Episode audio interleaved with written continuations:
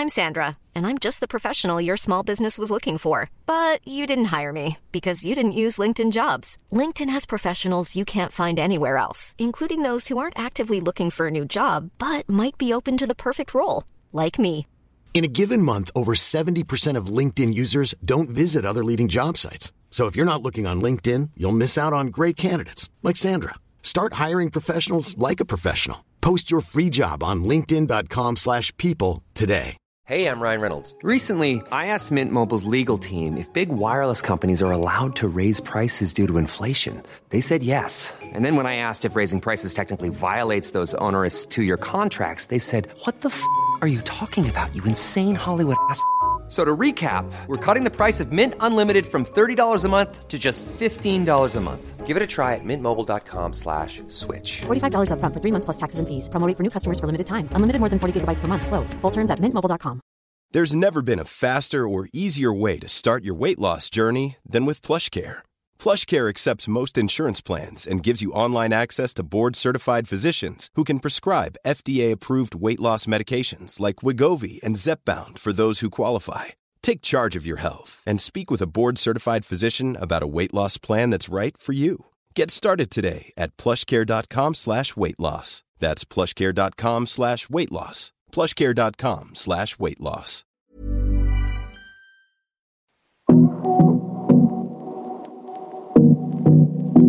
Hej och varmt välkommen till avsnitt 184 i Karriärpodden.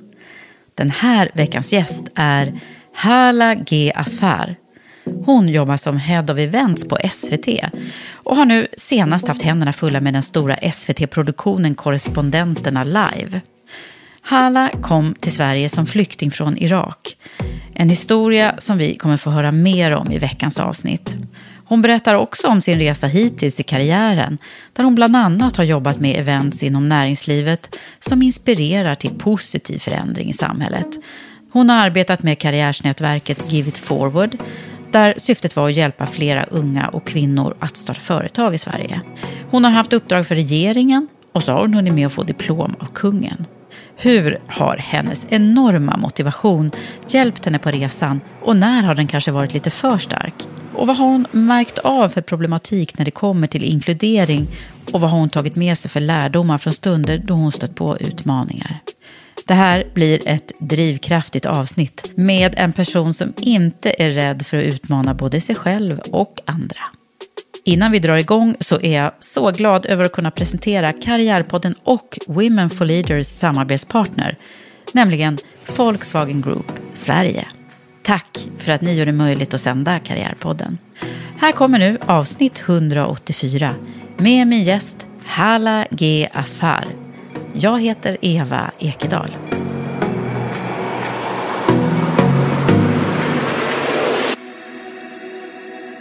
Hala, välkommen till Karriärpodden. Tack så mycket.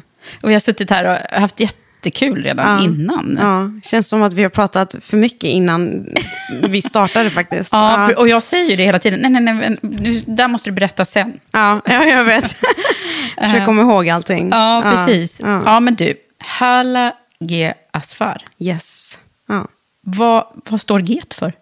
G står för eh, Gibrail, min pappas eh, namn. Och det är ett mellannamn som jag har ärvt. Som också egentligen är ett namn för Gabriella.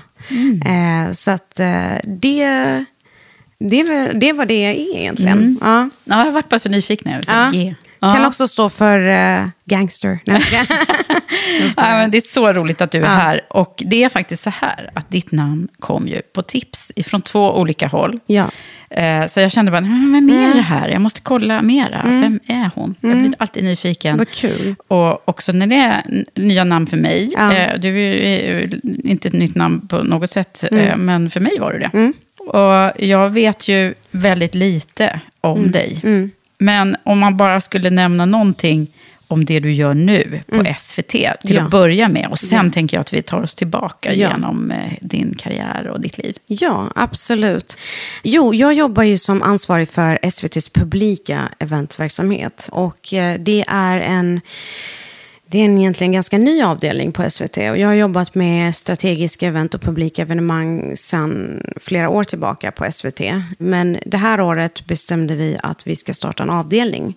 Och eh, tanken är att det finns ett behov för SVT att vara ute i landet, träffa publiken, eh, lära känna publiken bjuda in publiken bakom kulisserna, hur SVT jobbar.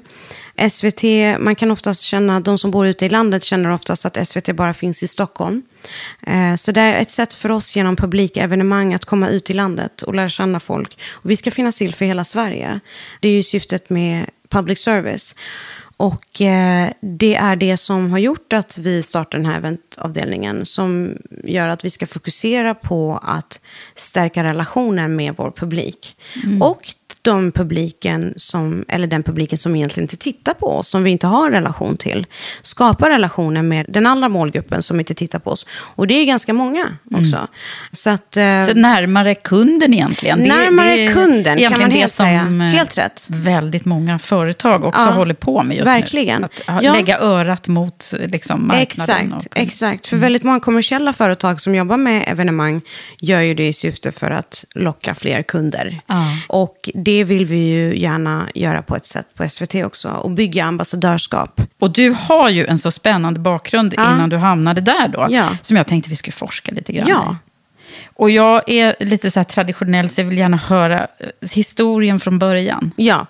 Ska vi ta den från allra första början? Jo, men det kan vi göra. Jag har ju... Jag, jag är född i Irak. Mm. Född 88 i Bagdad, Irak. Eh, jag har en storebrorsa och en lilla syster.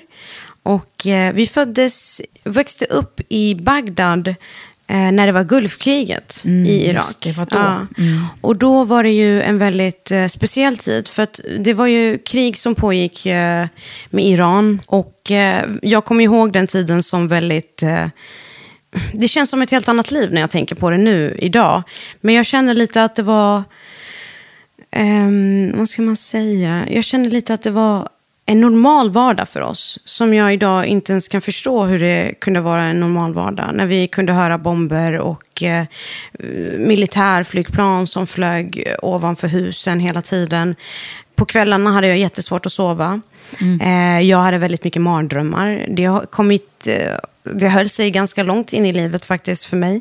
Vi var väldigt nära våra släktingar och familj där. Och vi brukade under kriget brukade vi gömma oss i bunker och det var liksom så här, kunde vi gömma oss i badrum när det, så här, och mm. släckte rum och hade bara tända ljus. Men det var så normalt för mig. Det var bara, okej, okay, här är vi nu. Mm. Um, då visste du inget annat? Liksom. Jag visste ingenting annat då. Och då kände jag lite så här, men det fanns så mycket kärlek i vårt hem. Jag är uppvuxen med väldigt mycket kärlek i min familj och kärlek med mina släktingar. Vi har det väldigt roligt tillsammans. Så att det är ju en trygghet för mig. Och det har ju varit en trygghet i hela min uppväxt.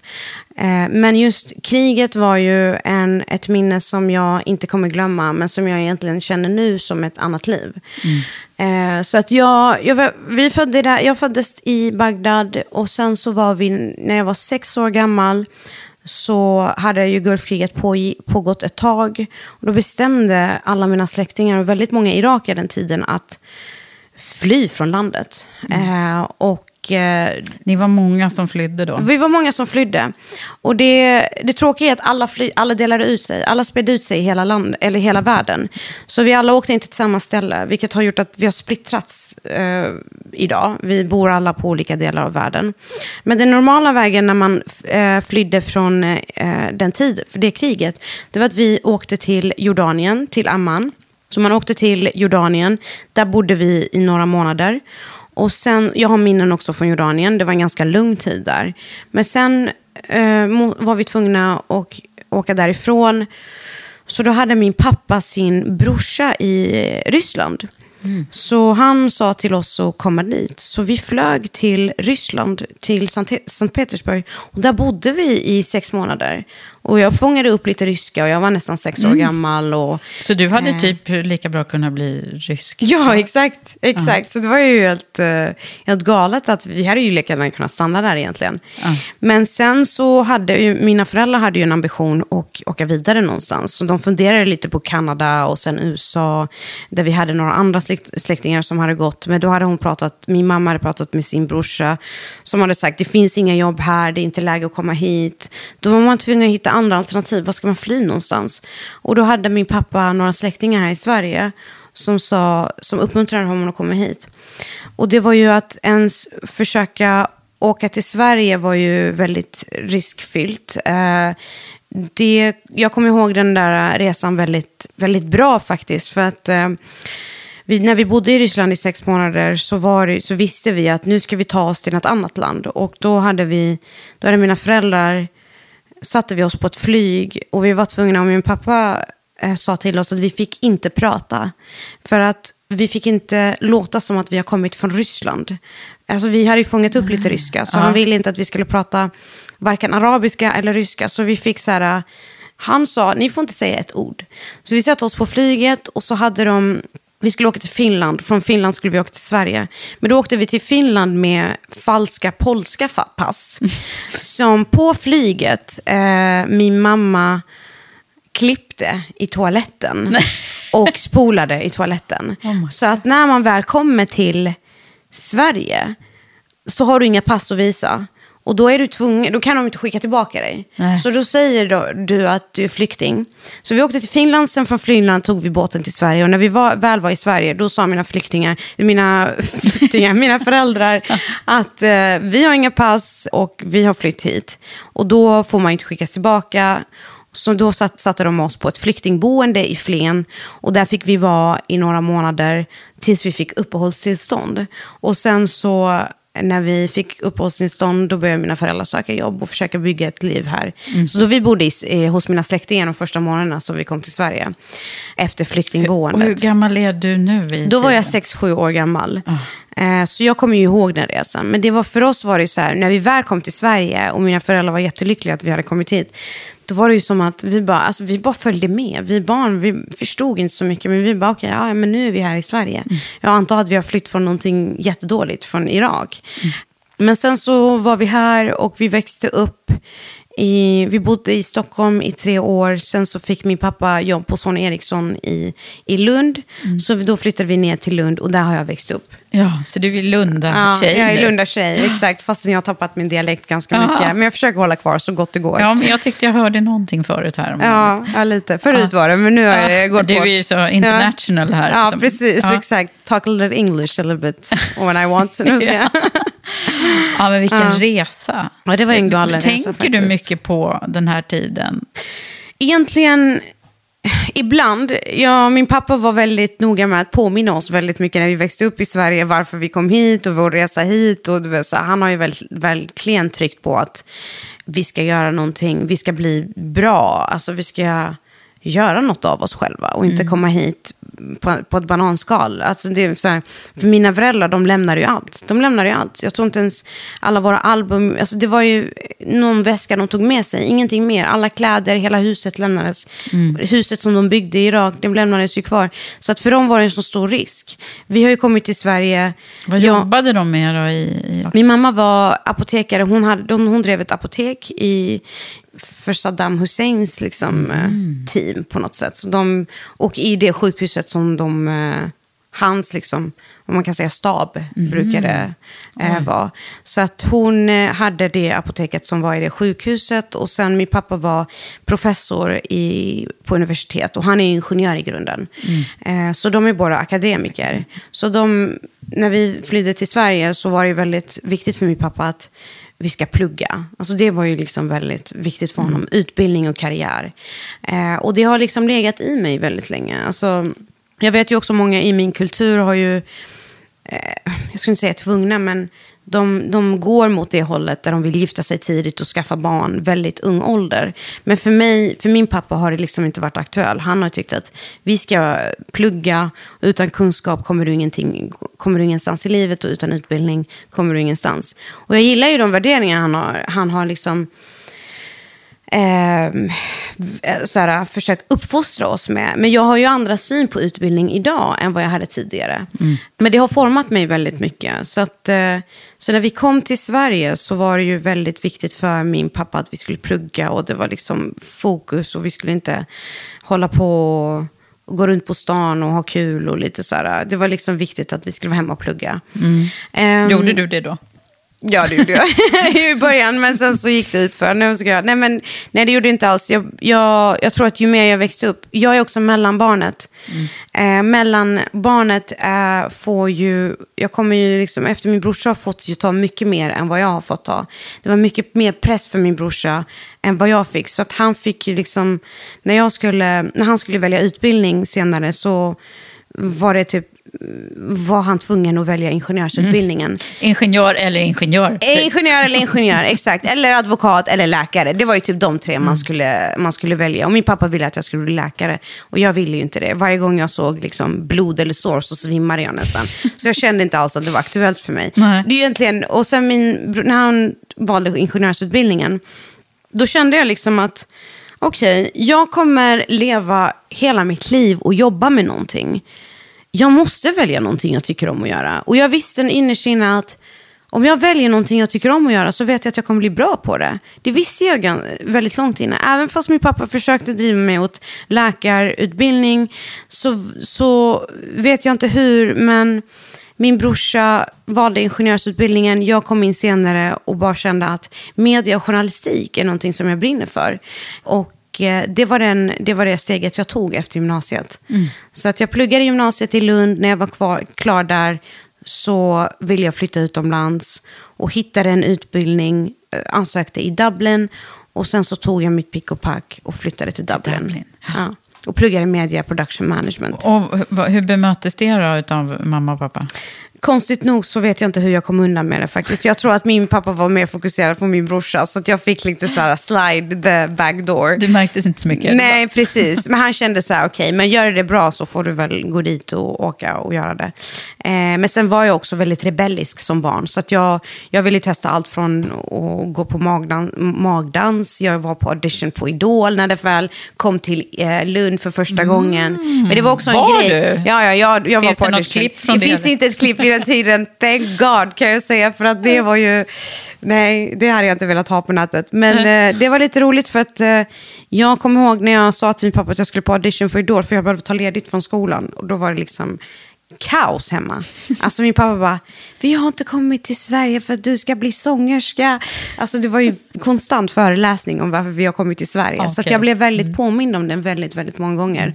Ehm, men det, jag förstår ju honom. Alltså han liksom, de riskerar ju sitt liv för att komma hit. Och Mm. de känner så här, och för irakier, för folk i min tradition, eller kultur, sångerskor, skådespelerskor och folk i underhållningsbranschen, de har inte så jättehög status. Mm. Det var verkligen läkare, eh, vet du, advokat och ingenjör som är det som är status. Och för folk i min kultur så är status väldigt viktigt.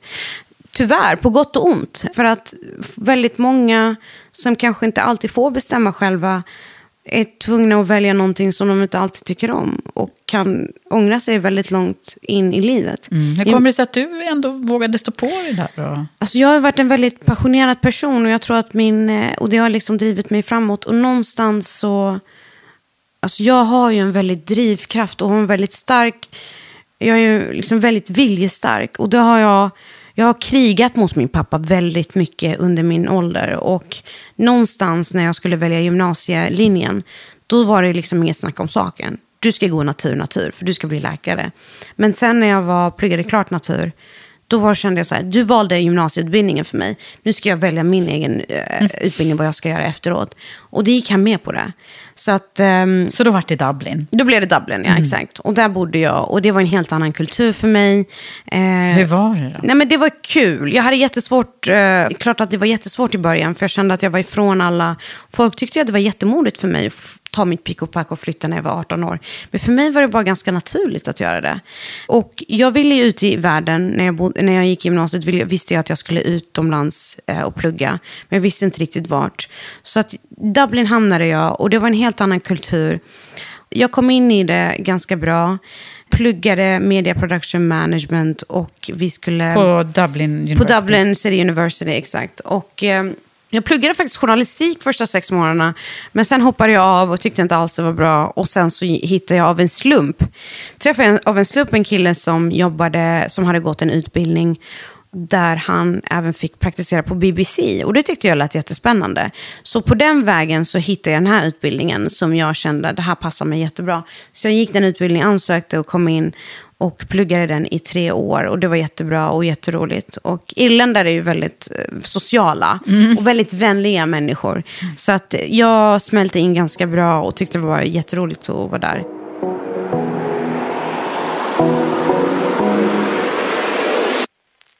Min timing i Irland var också väldigt speciell. För att jag flyttade dit 2007. 2008 kom ekonomikrisen. Och Irland drabbades väldigt hårt av ekonomikrisen. Det var, ja, alltså jag minns tiden när jag var där som student. Det var som ett starkt svart moln över oss konstant. Varje gång du hoppar i en taxichaufför så snackar man om ekonomikrisen. Nyheterna konstant, ekonomikrisen. Eh, så det var ingen bra period att vara där. Men samtidigt var jag ju student. Så för mig påverkar det inte jättemycket. Jag hade ju kul och jag pluggade och gjorde allting. Men när jag var klar med min utbildning och behövde ha någonting att landa på, då var det ingenting som var självklart. Och folk började åka tillbaka till, australienare åkte tillbaka till Australien, amerikaner åkte tillbaka till USA. Eh, väldigt många sa till mig då, har du ingenting som håller kvar dig, åk härifrån. För det ser inte bra ut just nu. Det finns inga jobb.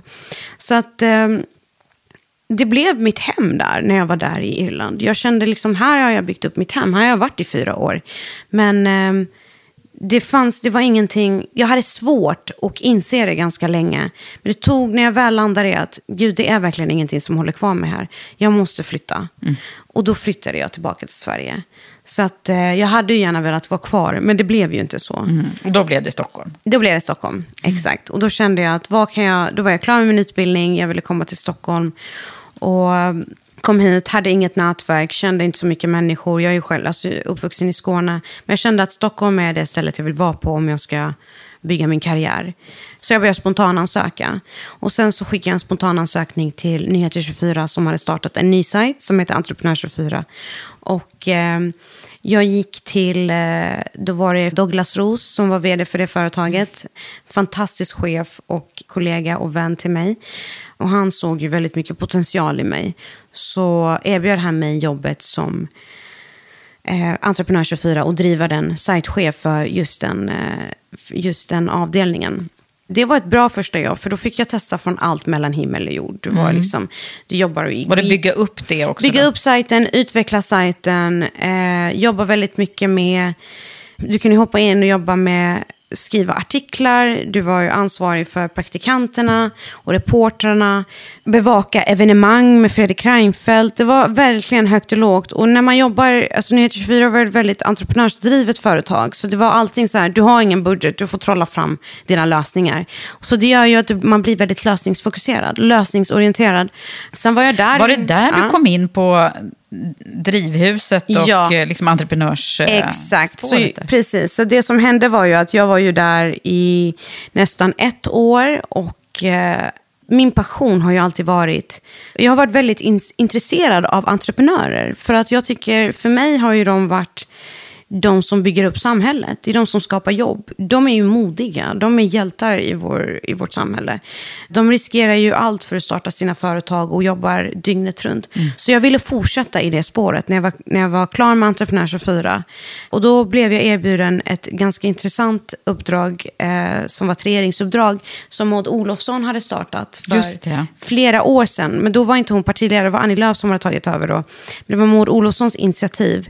Hon ville, göra, hon ville att Drivhuset Ung Företagsamhet skulle göra ett samarbete för att hjälpa fler unga företagare att starta företag. Eller gå ut från UF till AB. Just det. Då blev jag erbjuden att då leda det här arbetet. Det var ett och ett halvt års arbete. Eh, där jag rapporterade till Näringsdepartementet och Skolverket och Tillväxtverket. Och sen hade jag en organisation inom Drivhuset som var väl, alltså så här, sex olika projektledare och chefer under mig som, jag, som rapporterade till mig. Där vi hade aktiviteter runt om i landet. that i hur vi ska göra. Det var, det var faktiskt ett pilotprojekt som ska läggas grunden för ett större projekt som skulle vara ett samarbete mellan de två organisationerna. Det var ett väldigt stort uppdrag, så jag var nästan 24 år och höll på att rapportera och ta möten med näringsdepartementet och hur ska jag liksom ha en budget på, jag vet inte hur många miljoner för att liksom, och jag har själv inte jobbat med budget tidigare innan Nej. det uppdraget. Hur kändes det där? Ja, men det var ju som en helt... Ja, men jag gillar ju sånt. Jag tycker om när jag slängs in i grejer, så jag har ingen aning hur jag ska göra. Så här med budget var ju kanske inte så kul att hålla på med siffror. Men det blev ju kul till slut. Det blev ju lite mysigt att jobba med budget till slut, med, så här, med siffror och allting. Men det tyckte jag var kul. Men det var ju, ett, det var ju, det var ju också speciellt för att du är ju tvungen att rapportera exakta uppgifter, såklart. Du behöver ju rapportera... Det kan inte vara något fel i dina rapporteringar. För att man kan ju bli återbetalningsskyldig för sådana här grejer.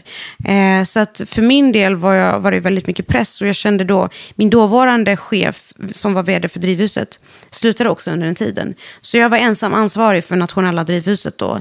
Eh, och hade liksom ingen, som, alla som, du hade jobbat, alla som hade, exakt, alla som hade initierat till det här projektet från början var inte där. Så jag höll på att driva det här. Jag menar, jag kan inte ringa Maud Olofsson. Hur tänkte ni med det här projektet egentligen? Vad vill ni ha ut av det? Men under den tiden när jag jobbade på Drivhuset, då var jag ju väldigt, väldigt engagerad ideellt i flera olika organisationer. Ja, det är massor med grejer du har på med. Ja, jag har gjort allt från TEDx-konferenser, jag har initierat TEDx Södertälje, jag har jobbat med Think Big Lectures i Kista, där vi bjuder in massa profiler från Sverige för att inspirera unga i förorten.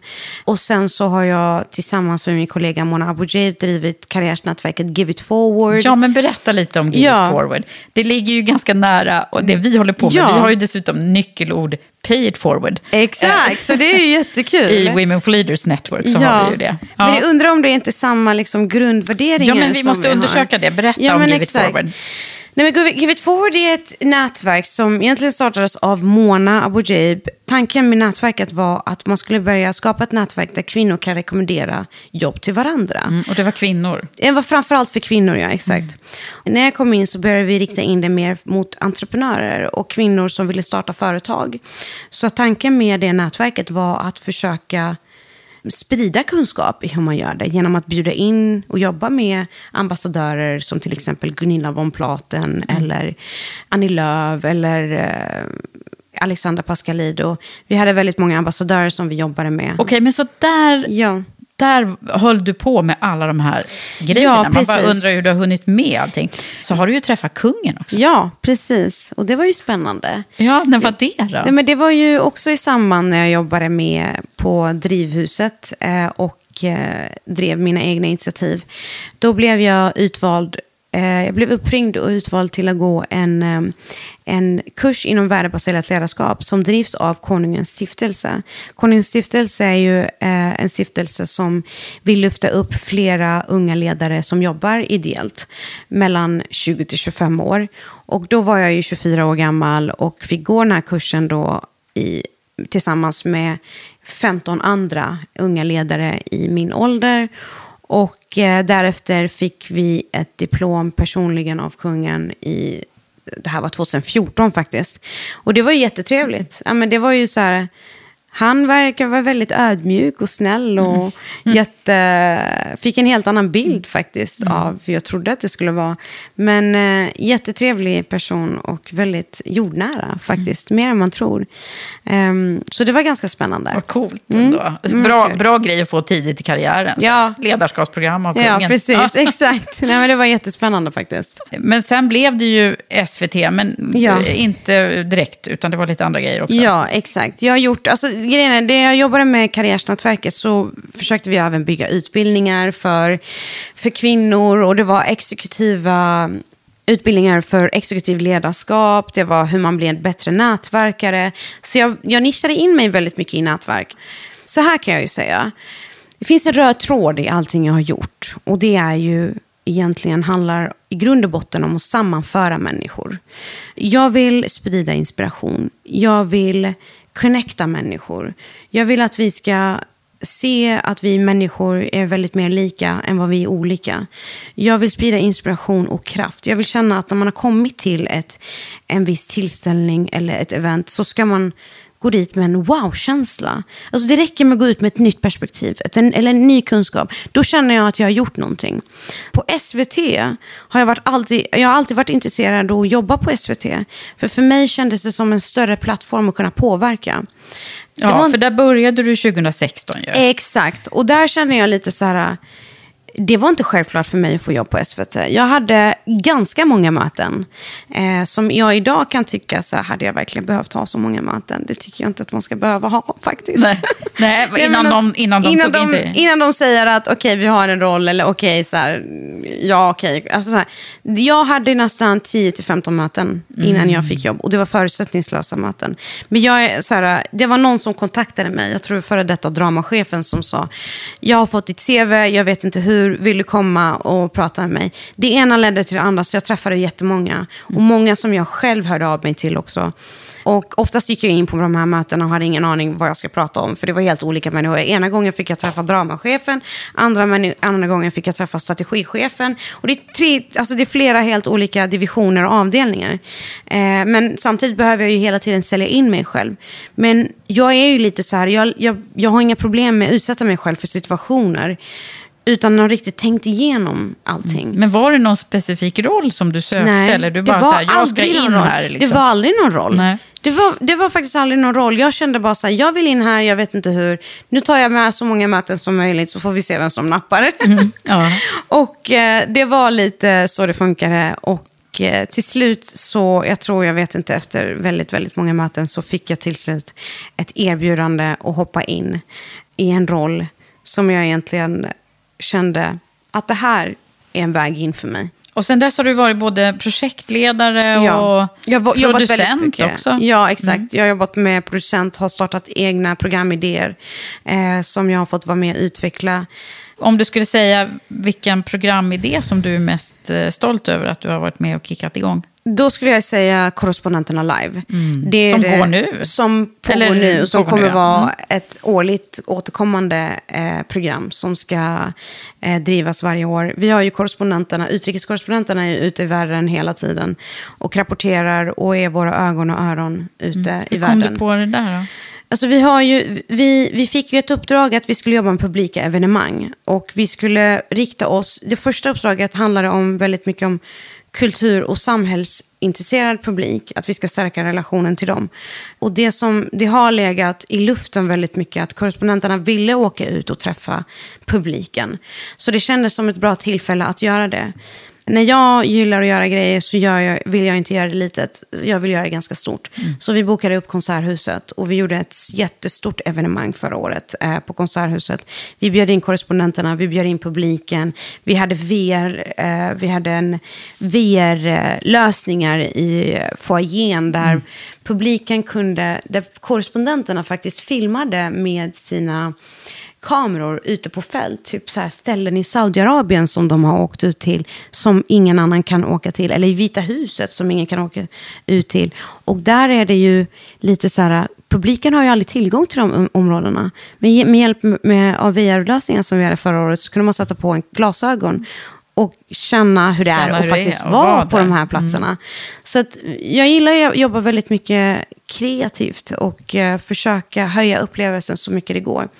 Det roliga var att under tiden som vi gjorde det här eventuppdraget förra året så eh, halvvägs in bestämdes det att det här ska bli ett tv-uppdrag. Och då fick vi ju ställa om jättesnabbt och ta in ett helt tv-team. Och jag har ju lärt mig eh, den hårda vägen att event och tv-produktion är egentligen inte samma sak.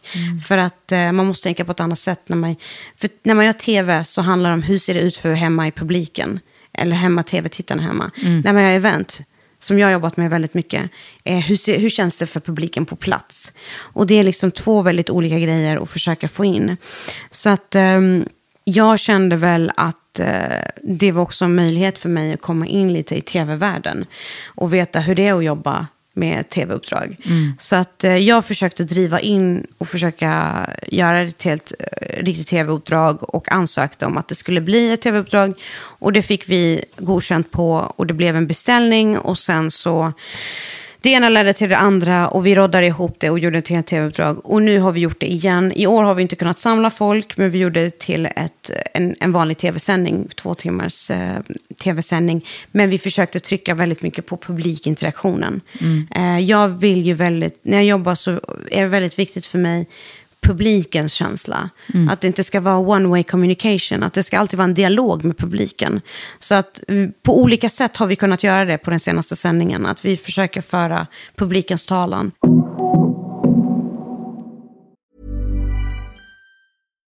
Here's a cool fact.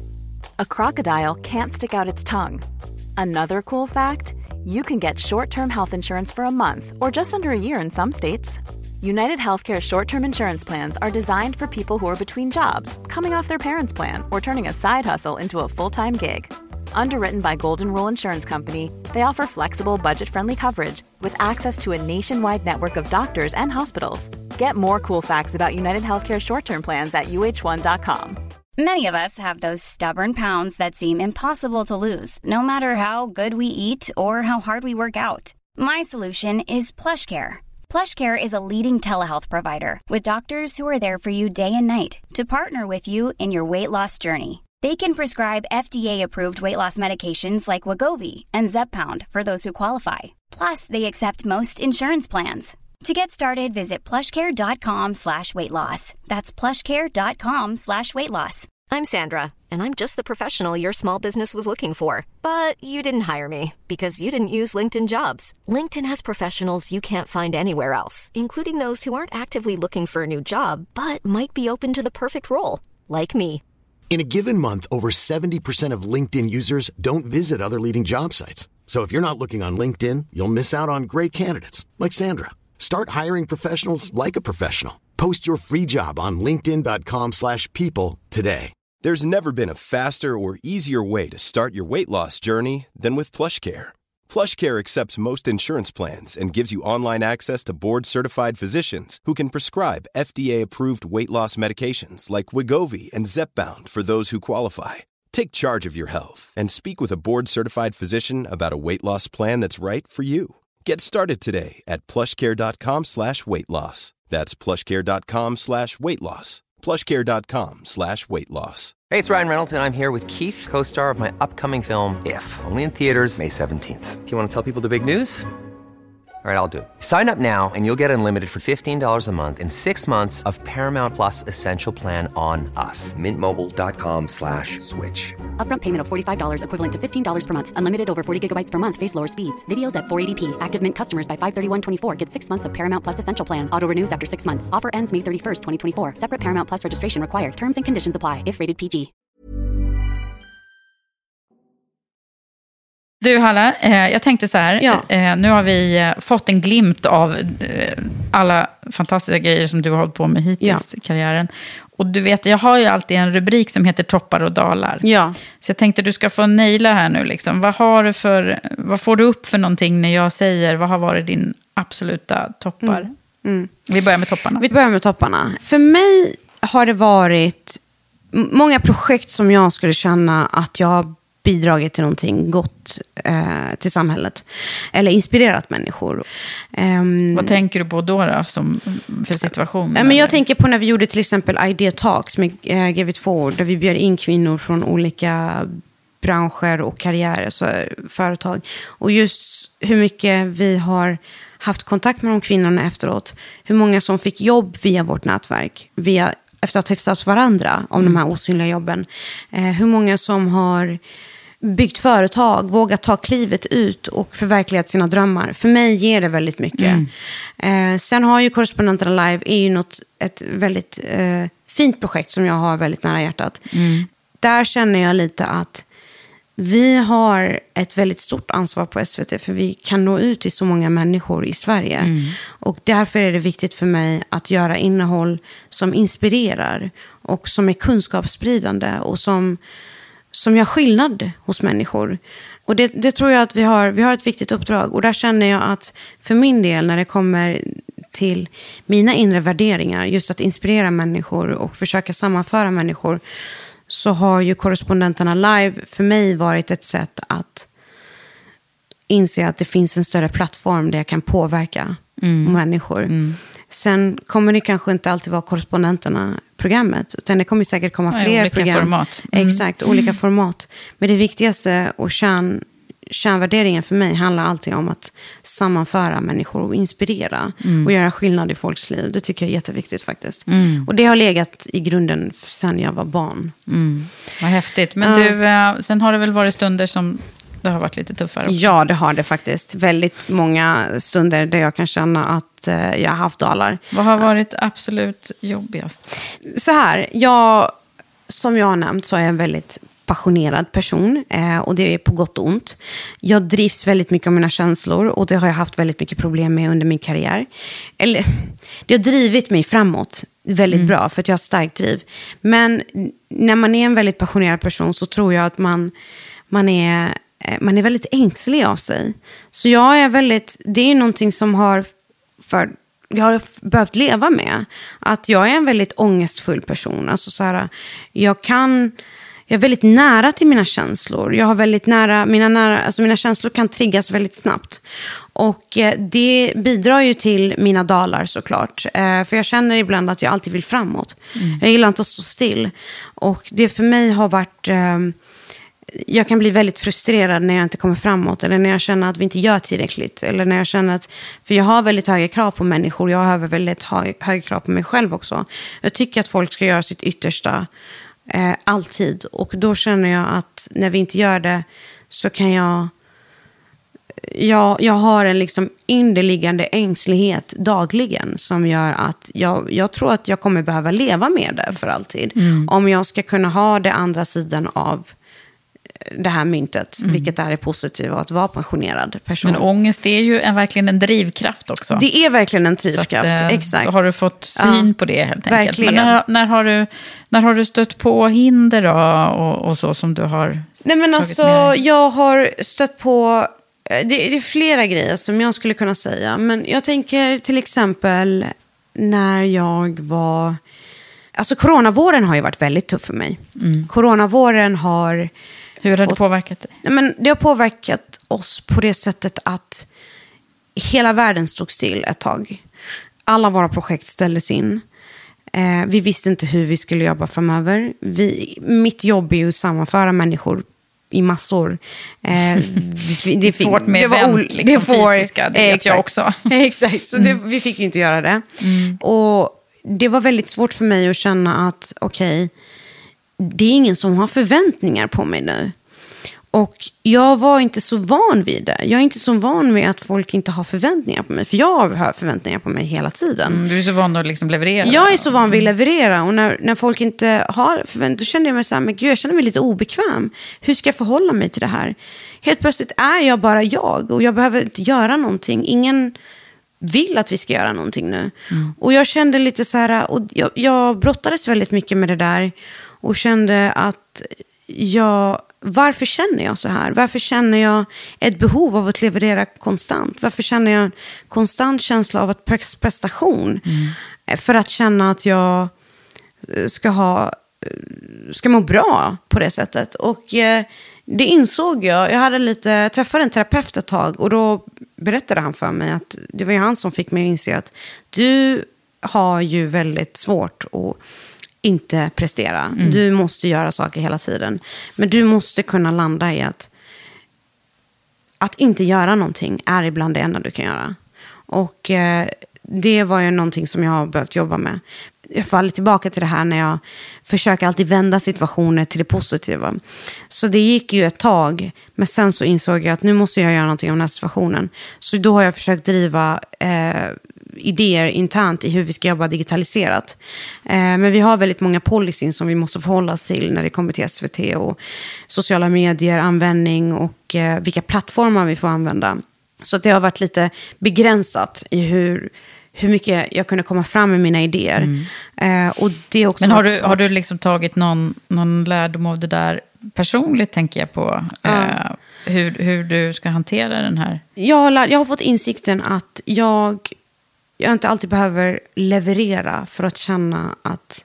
Att jag känner att jag, bara, jag kan bara vara ibland och det räcker.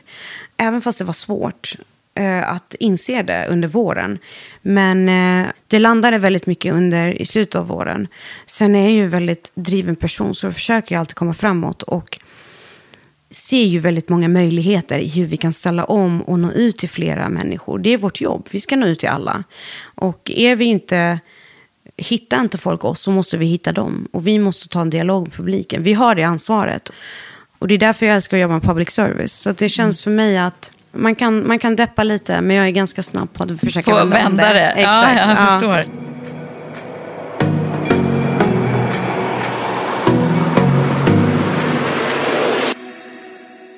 Men du Halla, du vet ju att jag jobbar ju jättemycket med jämställdhet. Yes. Eh, och det har ju du också gjort då kan man säga en hel Ja. del. Men vad, vad, vad är din syn på, vad tycker du vi befinner oss nu? Nej, men jag tycker det är en väldigt intressant fråga. Och jag tror ju att utifrån min generations... Jag kan inte tala om för alla, men vad jag tror och ser omkring mig, det är vår tids jämställdhetsproblem har in, egentligen, för min generation som sagt, har egentligen inte så mycket att göra med att det är männen som vill ta, ha makten. Jag tror att männen har haft makten så pass länge att de har inte problem med att ge ifrån sig makten. Jag tror problemet i dagens, i, i den tid vi lever i nu, är ju, kan jag känna ibland, kvinnor som står i vägen för andra kvinnor. Min vän brukar kalla det för razor blades. Man kallar dem kvinnor för razor blades. Och, Vad eh, menar du med det då? En rakhyvel. Ja, jag förstår det, men liksom, eh. Ja, men på något sätt eh, att stå i vägen för, för, för andra kvinnor. Mm. Jag menar, det här podden är ju rena motsatsen. Mm. Det lyfter ju upp andra kvinnor, både äldre och unga. Mm. Eh, men jag tror att väldigt många eh, kvinnor tyvärr har kanske inte hängt med i den. Vi lever i en digital era. Det är väldigt mycket som händer. Kvinnor, äldre kvinnor kanske inte alltid känner att de hänger med. Det är ett sätt att eh, man känner liksom att man vill ha, man tappar kontrollen lite. Eh, och sen kommer vår generation som är yngre, vi har koll på digitala, vi är ibland väldigt drivna. Och eh, jag har upplevt väldigt mycket i min karriär. Eh, jag har aldrig haft problem med män som jag har jobbat med, tycker jag i alla fall. Men i min karriär har jag däremot upplevt äldre kvinnor som har velat stå i vägen eller trycka ner eller eh, micromanage på något sätt. Och det kan jag tycka är jättetråkigt. Det är intressant, och ändå har du då jobbat med liksom, Give it forward och Mm. Ja, kvinnligt exakt, entreprenörskap. Och, exakt, Och nu exakt. sitter ju jag här och är betydligt äldre än vad du är. Ja. Eh, Och nu, vet, nu vet jag att inte du menar eh, alla. Nej, Men det tycker absolut här är väldigt intressant att prata om. Vi har Ja. gjort flera avsnitt också om, Ja. är det verkligen sant den här? För det är lite grann en, en myt också det här med att skulle kvinnor inte... Eh, det finns en särskild plats i helvetet för kvinnor som inte hjälper kvinnor. Exakt, precis. Eh, och jag vill, men, och ja. jag, jag vill ju någonstans eh, tro i, i Women for Leaders som jag driver att det är verkligen så här. Det är verkligen motsatsen, precis som du säger. Vi gör verkligen inte det. Nej. Men det finns ju någonting i det här som är väldigt intressant att lyfta. Som Jag du säger, nu är det din Ja. erfarenhet. Verkligen. Att det här har hänt. Och jag vet inte varför det är sådär faktiskt. Jag kan ju, man kan ju alltid lyfta upp den här digitala eran. Att vissa kvinnor kanske inte känner att de hänger med. Men, men det Vad kan det ha att göra är med, bara, tror du? Det är bara relaterat till influencers. Alltså, Många influencers, som till exempel Bianca Ingrosso, har ju själv sagt att mycket näthat som hon får har ju, kom, kommer oftast från medelålders kvinnor, tyvärr. Och det kan man ju fundera på. Varför är det så? Och man kanske ska låta den frågan hänga i luften. För att jag vet faktiskt inte varför det är så. Jag kan uppleva att, men det här med i mitt fall, att män tar mer plats.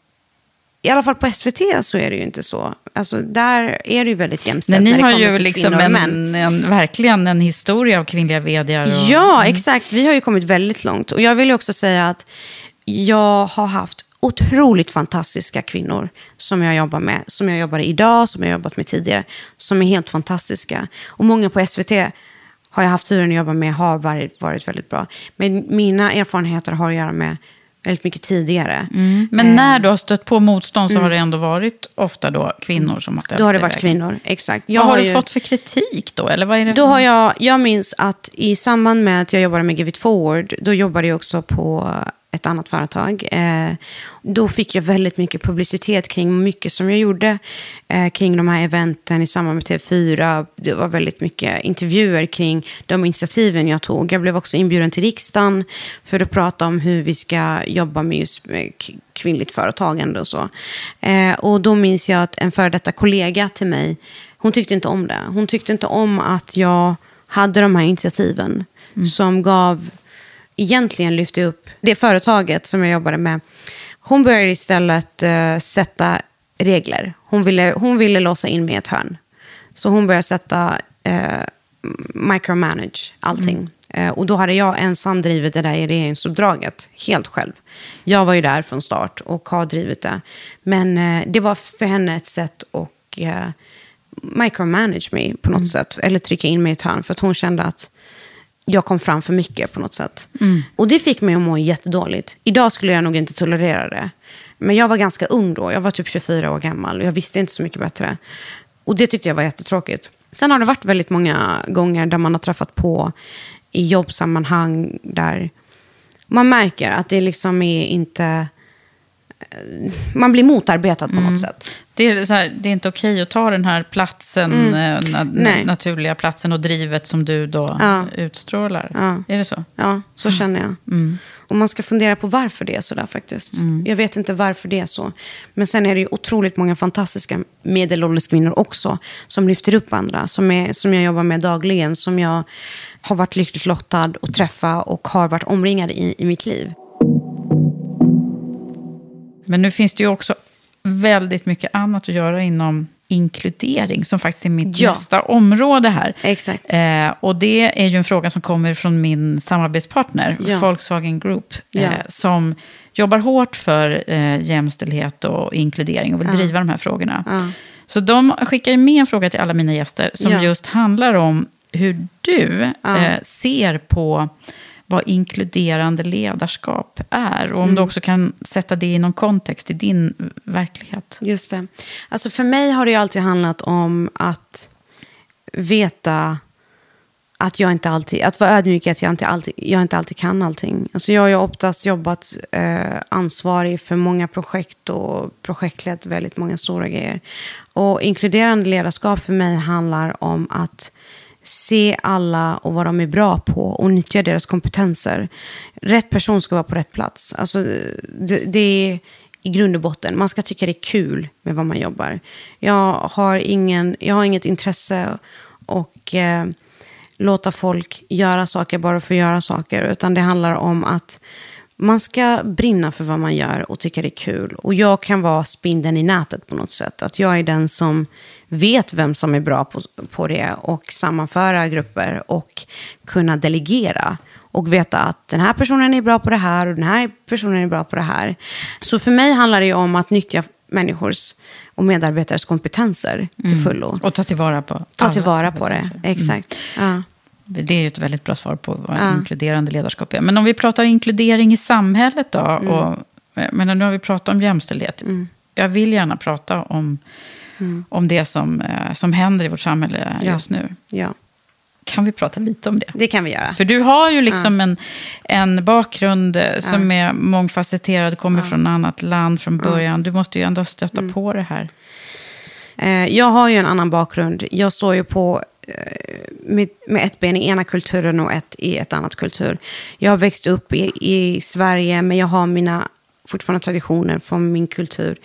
Eh, jag har personligen inte känt av rasism på samma sätt som jag vet att många andra har gjort. Och jag vet inte varför. Eller jag vet inte. Jag, det kan vara för att jag är uppvuxen i Lund och där har, har jag växt upp med mycket... Det har varit väldigt multikulturellt. Så att jag har ju haft möjligheten att växa upp i ett väldigt multikulturellt och upp, öppet liksom, stad där vi har varit öppna för flera kulturer. Sen har jag också flyttat till Dublin. Alltså Dublin har jag ju varit också en utlänning där. Kom tillbaka till Sverige. Alltså, det är också allting- väldigt mångkulturellt. Ja, det är väldigt där. mångkulturellt där, ja. Exakt. Alla från olika kulturer. för min del så handlar det om, om jag som person kommer med den bakgrunden som jag har, kan inspirera andra som har samma bakgrund som mig eller som har kanske flyttat till ett annat land. De små sakerna kan göra väldigt mycket. Att se att alla som jag eller som kommer från min kultur inte alltid är kriminella eller alltså så här, gör dåliga saker. Och, eh, och jag känner lite att jag har inte upplevt rasism, men jag kan ändå känna att jag inte riktigt hör hemma, eller så här, jag är inte hardcore svensk och jag är inte hardcore arab heller. Mm. Eh, så att jag är båda jag är av båda världarna. Sen kan jag tycka att jag är väldigt mer internationell också. Mm. I och med att jag har pluggat utomlands och allting. För mig är det väldigt speciellt. Men jag kan tycka att vi har så mycket att göra när det kommer till det där. Jag tycker också SVT har mycket att göra. Och jag vill gärna driva den frågan och de frågorna framåt mm. i företaget. Prata mer om mångfald. Mm. Och hur vi ska inkludera folk och få in fler perspektiv i organisationen. Eh, det tycker jag är jätteviktigt. Mm. Men det finns mycket jobb att göra. Det finns mm. mycket mer jobb att göra. Ja, nej men eh, jag ville ändå så här, eh, det är intressant att, att fundera över mm. det, eh, vad man själv mm. kan göra också. Ja, verkligen. Så jag, jag har tänkt jättemycket tankar om det där också. Att det, det är liksom, nu, det arbetet som jag driver så mm. hårt med liksom jämställdhet ur ett mm. genusperspektiv. Ja. Det, det är precis samma sak som jag mm. behöver. Mm. Jag behöver ansaka mig det jag tycker att männen till viss del då eh, behöver ansaka sig. Så ja. det, det, går ju på något sätt Verkligen. I, och så nyttigt Verkligen. att vi är ödmjuka inför att vi, att vi inte kan förstå utan att liksom, vi måste lyssna. Ja, men det är helt rätt inställning. För jag tror ju själv att även om jag kommer från annan kultur så finns det ju mer folk i min kultur också som kan mycket mer än mig, som har upplevt mycket mer än mig. Mm. Eh, och som jobbar mer med den frågan. Och... Eh, jag känner mig i mitten av båda kulturer. Men jag vet ju att folk driver den här frågan mycket starkare och har själva har mer upplevelser av eh, rasism, upplevt rasism på ett annat sätt än vad jag har. Och eh, jag tror, du är ödmjuk, jag behöver också vara ödmjuk och det är väl det enda som vi kan göra just nu mm. för att veta att vi inte kan någonting. Du, nu ska vi börja wrappa upp här och då yes. tänker jag att vi gör det genom att du ska få säga vad som har varit avgörande för dig ja. i, i din eh, karriär. Och mm så tänker jag att det ska på sikt också mynna ut lite tips. Men mm. vi kan väl börja med, vad är det som har varit avgörande? Alltså när jag flyttade till Irland så insåg jag ju att eh, man inte kan fly från sig själv. Problem, dina egna problem, de kommer med överallt. Det var ett väldigt awakening för mig att inse att okej, okay, om jag, jag behöver jobba med mina egna problem. Och det som jag kände att jag behövde utveckla. Det gav mig mycket mer perspektiv när jag flyttade utomlands. Eh, jag, hade mycket mer, jag blev mer öppen som person. Och det har jag använt väldigt mycket i mitt... Jag, jag älskar alla kulturer. Jag är öppen för alla typer av människor. Eh, jag ser människor för vad de är och inte för var de kommer ifrån. Eh, det har varit väldigt avgörande mm. i min Där har vi inkludering. Ja, exakt. Där har vi verkligen mm. inkludering. Mm. Och det har jag verkligen försökt få med mig i allting jag gör. Sen har jag ju faktiskt, just att jag är väldigt envis som person har ju drivit mig framåt, på gott och ont. Jag är verkligen rak, jag kör bara och det har gjort att jag har hamnat i trubbel väldigt många gånger. Eh, jag gillar inte att följa regler. Jag ser det mer som en rekommendation faktiskt, mm. regler för mig. Och det kan ju inte vara så kul att höra för folk, men så kan jag tycka faktiskt ibland. Och jag gillar inte traditioner, så att jag har ju alltid försökt tänka utanför boxen. När folk säger så här brukar vi alltid göra det har jag jättesvårt för. Mm. För jag känner att, nej, varför det? Jag brukar alltid ifrågasätta väldigt mycket. Och det har ju varit väldigt avgörande i mitt liv och de, de besluten jag har tagit. Att jag liksom kommer framåt väldigt snabbt och vågar möta människor. Och det har gjort att jag har blivit erbjuden väldigt mycket projekt och roller som jag annars inte hade, varit, hade fått med mig om inte jag hade varit så envis och så öppen som person. Eh, så det har varit verkligen avgörande för min karriär, min personlighet. Sen så skulle jag säga att jag träffar ju människor dagligen och jag har ju tänkt väldigt mycket med det här med mentorer. Jag ser upp till Gunilla von Platen väldigt mycket och jag känner ju henne sedan tidigare så att vi har en väldigt fin Hon relation. har sagt att hon ska vara med Ja, här. Men, eh, det vi- tycker jag att hon ska. Hon är så mycket med sig efter sitt sommarprat. Ja, så- jo men det har hon verkligen. Det var ett fantastiskt sammanprat. Och hon, vi känner ju varandra sedan tidigare och har jobbat lite ihop. Så hon är ju verkligen någon som jag ser upp till. Men jag skulle ju säga att jag är en person som ser väldigt mycket positivt i alla människor. Och inspireras dagligen av människor som jag jobbar med och som jag träffar på. Så att jag har ju verkligen försökt fånga upp det som fångar... Fång, fång, jag vet inte vad man kallar en sån person, men ibland kan jag känna att jag kan fånga upp det positiva hos människor och försöker inspireras av det. Så jag har, jag har inte haft en person som jag inspireras av, utan jag inspireras dagligen av människor jag jobbar med och ser sidor hos dem som jag skulle vilja utveckla inom mig själv. Har det varit några så lärdomar som du känner så här, det här, det här har jag verkligen lärt mig utifrån mina erfarenheter så här Ja. långt? Mina lärdomar har ju varit väldigt mycket att du kommer alltid hitta folk som inte gillar dig. Du kommer alltid hitta någon som försöker motarbeta dig eller som du kanske inte klickar med. Och jag som är en väldigt känslomänniska och är en väldigt eh, social butterfly vill ju helst att alla ska tycka om Ja, mig. det kan jag tänka mig. Det ligger i den Det ligger i min, exakt. Och jag, jag har insett de senaste åren att jag kommer, det kommer inte vara så. Och jag kommer inte, jag kommer inte få med mig alla.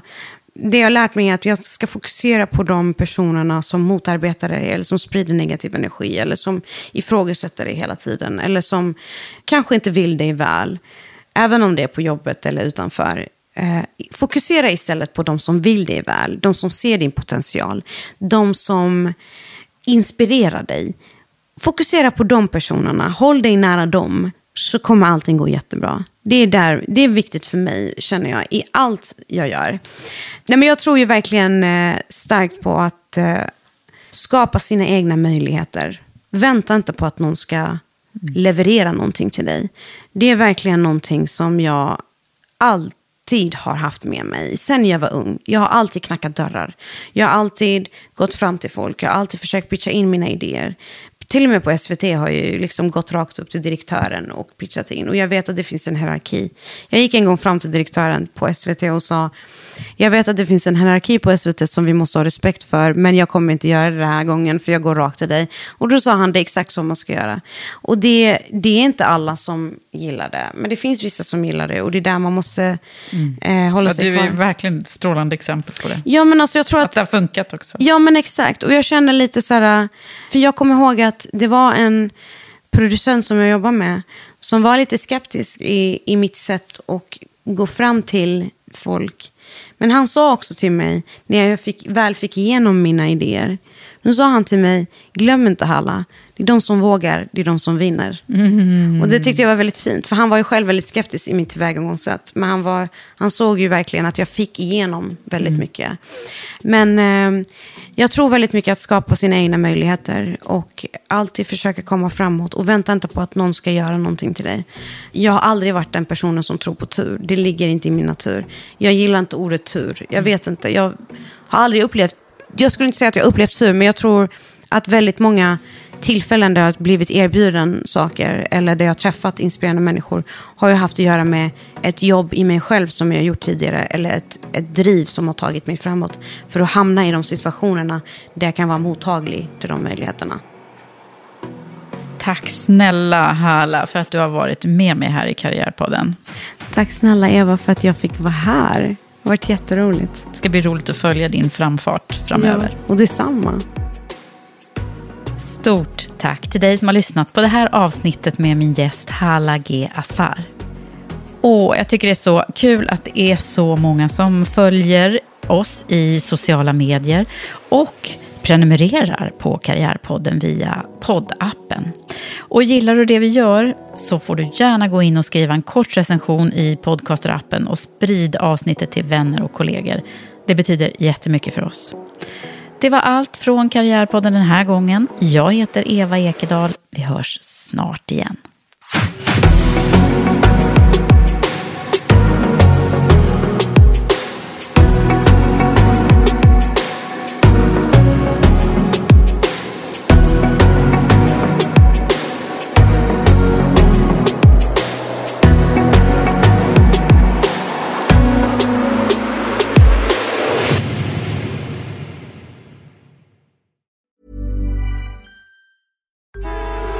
Traffic jams, tailgating, pileups. Ugh, the joys of driving. How could it get worse? The federal government wants to have a say in what you drive. That's right. The Biden administration's EPA is pushing mandates that would ban two out of every three vehicles on the road today.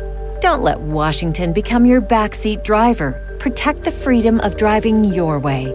Visit EnergyCitizens.org. Paid for by the American Petroleum Institute.